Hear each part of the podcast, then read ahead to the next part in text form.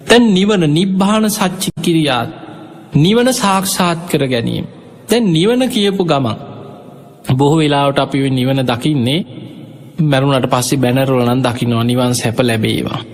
එතකොට නිවන කියන්නේ මොකක්ද කියලා නොදන්න කෙනාට හිතෙන පුල එක මැරුණහම ලැබෙන එකක් කියලා. මැරුණට පස්සේ අනේයා නිවන් දකීවා. එතකොට ජීවත් වෙලා ඉන්නකං එයාට සමහරලාවට නිවන ගැන හැඟීමක් චතුරාට සත්‍ය දන්නෙත් නෑ බනක්කාහන්නෙත් නෑ පින්කමක් කරන්නෙත් නෑ සමහරු එහෙම චරිත. හැබැයි මැරුණට පස්සේ බැලූ බැලූ හැම බැනරකීම තියෙන නිවන් සැප ලැබේවා නිවන් සැප ලැබේවා. එතකොට යාට නිවන් සැප මැරුණහම ලැබෙන සැපක් කියලා හිතෙන්න්න පුළුව. පිංගතුනේ දැන් ඔබෙන් කවුරුහරි ඇහුවොත් මොකක් දොයි නිවන කියන්න.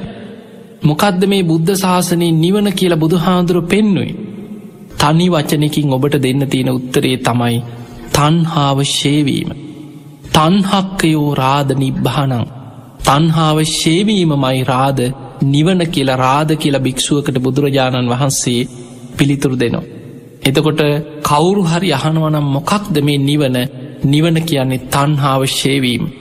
තන්හාාව දුරු කිරීම. එතකොට තන්හාාව දුරු එන්නේ මැරුණට පස්සේ නෙමෙයි.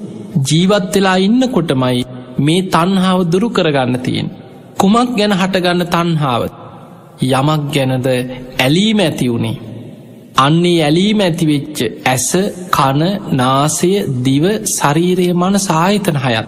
ඒ ආයතන හය මුල් කරගෙන හටගන්න රූප වේදනා සංඥා සංකාර විඤ්ඥානකෙන පංචුපාදානස්කන්දයක් ගැනයි තන්හා ඇතිවුණේ. තන්හාාව ඉපදුනේ ඒවටයි බැඳිලගේ ඒ නිසා තමයි දුක හටගත්. එතකොට මෙන්න මේ ඔබ ඔබේ ශරීරයේ මේ බඹයක් පමණ ශරීරයේ තුළ පිහිටි මේ ඇස කණනාසේ දිවකය මනසගේ ආයතන හයකින් යුක්ත මේ රූපය ඒ මුල් කරගෙන ඇතිවන ස්පර්සෙන් ඇතිවන විදී ඒ විදින රූප සබ්ද ගන්ධ රස පහස හඳුනා ගැනී ඒ තුළ පහළ වෙන චේතනා ඒවට බැඳීයාම මෙන්න මේ පංච උපාදානස්කන්දය ගැන ඇතිවෙච්ච තන්හාවයි ඔබ නිරුද්ධ කරන්න තිය. ඒ තන්හාාව නිරුද්ධ වෙච්ච දවසට තන්හා නිරෝධා උපාදාන නිරෝධ ඒ තන්හාාව නිරුද්ධ වෙනකොට බැඳීයාම නිරුද්ධ වෙන. උපාදාන නිරෝධා භව නිරෝධෝ. බැඳී යන්නේ නැත්නං විපාක පිණිස කර්මයක් හැදෙන්නේ කර්මය නිරුද්ධ වෙලා. ආයි කර්ම සකස් වෙන්න කීනම් පුරාණම් පෙර කර්මශ්‍යය වුණ නවන් නත්ති සම්බව. අනාගතයේ භවයක් පිණිස අලුතෙන් කර්ම සකස් වෙන්නෙත් නෑ. විරත්ත චිත්තා ආයතිකයේ බවස්මින් අලුත් භවයක විඤ්ඥානි පිහිටන්නෑ එතකොට. ආයමත් විඤ්ඥානෙ තව උපතක් අල්ලගන්නේ නෑ එතනම නිරුද්ධ වෙලා. ඒක හරියට තේකීන බිහිජා අවිරුල්හි චන්ද බීජයක පැළවෙන ස්වභාවෙ නැතිවුණා වගේ. මොකක් හරි ඔබ හිතනා බෑටයක් හරි මුං ඇටයක් හරි කඩල ඇටයක් හරි ඔබ මේක තම්බනෝ රත් කරනවා පුච්චනවා මොනවාහරි කරලා දැන් බීජයේ පැළවෙන ස්වභාව විනාස කරලා තියෙන්නේ ඔබ දැන් ඔබ පොළොවෙ තියලා පෝරදානවා වතුරදානවා වඳීනවනේ පැළවෙන්න කියනවා. හැබැයි පැළවෙන්නේ. ඇයි ඒ බීජයේ පැළවෙන ස්භාව ඔබ නැති කරලා තියෙන්. අන්නේ වගේ තමයි කියනවා.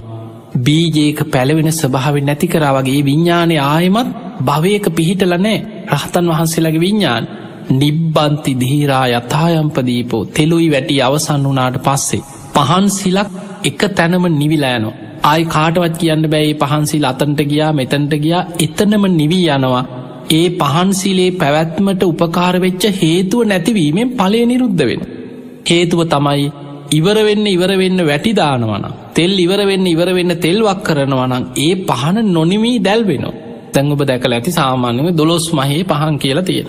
එතකොටේ දොළොස් මහේ පහන් කියලා හැම වෙලායම දිග වැටියක් දාලා තියෙනවා ඉවරවෙන්න ඉවරවෙන්න තෙල්වක් කරනවා. ඉතින් තෙල් වක් කරන තාක්කල් වැටි දාන තාක්කල් පහනි දැල්ල පහන දැල්වි දැල්වි දිගටම යනවා. එතකොට තෙලුයි වැටි අවසන් වනාට පස්සේ බුදුරජාණන් වහස පිණි අවිද්‍යාවයි තන්හාවයි නිරුද්ධ වෙන. ඒ අවිද්‍යාවයි තන්හාවයි නිරුද්ධ වනාට පස්සේ එතනම නිවියන් නිබ්බන්ති දිහිරා යථායම්පදීප. එතකොට අන්නේ පහන් සිලක් නිවිලෑනවා වගේ නිවිලෑනවා. එතකොට ආයමත් කර්ම සකස් වෙන්නේ නෑ ඒ කර්ම එතනම නිරුද්ධ වෙන. එදවට කර්මය නිරුද්ධනං භව නිරෝධා ජාති නිරෝධ ඉපදීම නිරුද්ධ යාය උපදින්නේ. ජාති නිරෝධා ඉපදීම නිරුද්ධනං ජරා මරණ සෝක පරිදේව දුක්ක දෝමනස් උපායාස නිරුජ්ජන්ති. ඒ සියල්ලුම දේවල් නිරුද්ධ වෙලා යන. එතකොට අපිට පේනවා නිවන කියලා කියන්නේ දැන් සමහරු හිතන්න පුළුවන් මේක නිකං අමුතු සැපක් ලැබෙනවා ඇත් මැරුණහම ලැබෙන මහ විශාල නිකං එක හිතාගන්නද අමහරු එකේ අමුතු අර්ථ දෙනමට අර්ථනය කියන්නගෙන ඒක මේ කියන්න බෑකිනක මහා පුද්දුම එකක් කියනවා. එක නික අර දිවිය ලෝකයේ තියෙන නිකං ඒ සුර සැපේටත් එහාගේ සැපයක් කියන නිවන කියන්න. එතකොට ඒක නිකම් වෙනම ලෝකයක් තිනක් දාර මහායාන ක්‍රමෝට විස්තර කරනවා. කෙනෙක් නිවන් දැක්කට පස්සේ සුඛාවතී කියලා වෙනම ලෝකයක් තියෙනවා. ඒවෑ තමයි බුදුවරු උපදිලා ඉන්න. නිකං අමුතු වෙනම ලෝක ගැන විස්තර කරන එතකොට ඒ වගේ එකක් කෙනා හිතන්න පුළන් මේක තමයි තියෙන සැපයට ඇලිච්ච මනුස්සයා පංචකාම සැපේ හොයාගෙන යන කෙනාට හිතෙන් මවල පෙන්නනවා ඊට වඩා එහාගිය මේක නිකම් මහ පුද්දුම සැපයක් කියලා. එතකොට යා හිතනවා නිවන කියන්නේ සැපයක් කියලා.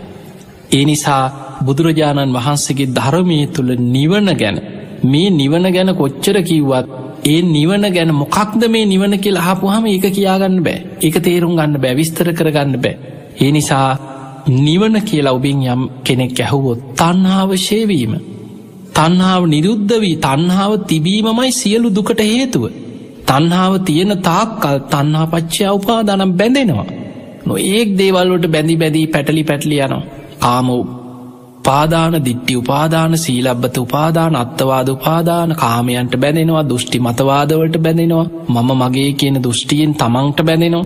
ආත්ම දෘෂ්ටිය සක්කාය දිට්ටි ඇති වෙන මේ හැම එකකටම බැඳි බැඳී පැටලි පැටලි යන ඊළඟට පාදාන නිසාමොකද වෙන්නේ? විපාක පිණිස කර්ම හැදෙන එක්ක සතරාපාය පැත්තට එක්ක සුගතිය පැත්තට රැස් කරගන්න දේවල් එක්ක බැඳිලා කර්මය හැදෙන. ඒ කර්මයට අනුව උපාදාන පච්චා බහු කොහරි උපදිනවා. බවපච්චා ජාති. ඉපදුනාට පස්සේ හැමදාම ඉපදීමත් දුකක්. ජාතිපි දුක්කක් ජරාවට පත්වෙනවා වයිසට යනවා ලෙඩ වෙනවා සෝක පරිදේව දුක්ක දෝමනස් උපායාස. මේ සියලූම දුක්දොම්නස් හටගන්න ප්‍රධානම හේතුව ඉපදීම නිසාමයි මේ සියලු දුකාටගන්න එදකොට යමෙක් උපදින් නැත්නං දුකක් නෑ. ආයි ජරාවට පත්වෙන්න වයිසට යන්න ලෙඩවෙන්න සතරාපායි වැටි වැටි දුක්විද විඳ යන්න කෙනෙක් නෑ තන්හාාව නිරුද්ධවීමෙන් ඉපදීම නිරුද්ධ වෙලාය. එතකොට මෙන්න මේ නිවන තමයි බුදුරජාණන් වහන්සේගේ ධර්මය පෙන්නන සදාකාලිකව සම්පූර්ණයෙන්ම දුකෙන් මිදන්න තියෙන එකම මාර්ගය. ඒ අන්නේ මාර්ගයේ සාක්ෂාත් කරගන්න නිබ්බාන සච්චි කිරියාත් නිවන සාක්ෂාත් කර ගැනීම ඒ තම් මංගල මුත්තම ඒක මංගල කාරණයක් හැටියට බුදුරජාණන් වහන්සේ පෙන්නවා. තින් ඒමනං අද දවසේ මේ උතුම් ගාථාරත්නය මහාමංගල සූත්‍රයට අයිති නිබ්බාන සච්චිකිරියාච නිවන සාක්ෂාත් කර ගැනීම. ඒ තම් මංගල මුත්තමක් මේක මංගල කාරණයක් හැටියට බුදුරජාණන් වහන්සේ මහා මංගල සූත්‍රයේ තුළ අපිට පෙන්නල දුන්න ඉතින් ඒ නිසා ඔබ හැම දෙනාම මේ ලැබිච්ච මනුස්ස ජීවිතය අවසන් වෙන්න පෙර ඔබ මේ දේශනා සමහරුන්ට මෙ කටපාඩන් ඇති හැබැයි මේ වචනයෙන් වචනය අර්ථය අරගෙන ඔබ ප්‍රායෝගිකෝ බලන්න ඔබ මේ උදේ හවස සජ්්‍යායනා කරපු මහාමංගල සූත්‍රයේ ඇත්තටම මේ මංගල කාරණා තිස්සට ගැන මම දන්නවද. මේවැයි මංගල කාරණා කීයක් මගේ ජීවිතයට මං ඇතුල් කරගෙන තියෙනවද. ඇත්තට මං මේ මහා මංගල සූත්‍රය උදේ හවස සජ්්‍යායනා කරාට ඊට අනුව ජීවත්වෙනවත්. ඔබ ධර්මය තුළ ජීවත්තේ. අන්න එතකොටයි ඔබට මේ සියලුම කාරණා ටිකෙන් ටිකාරි ඔබේ ජීවිතය තුළ ඇති කරගන්නවනං ඒ තම් මංගල මුත්තමං ඔබේ ජීවිතය මංගල කරුණුවලින් පිරිච්ච උතුම්ම ආශිර්වාදය ලැබෙන ධර්මාවබෝධය කරාම යන ජීවිතයක් බවට පත්වෙනවා. ඉතින් ඒ පිණිස ඔබ හැම දෙනාටම මේ උතුම් ධර්මාණු ශාසනාවත් උපකාර වේවා උපනිශ්‍රය වේවා කියලපි ඔබට ආශිර්වාද ප්‍රාත්ථනා කරනවා.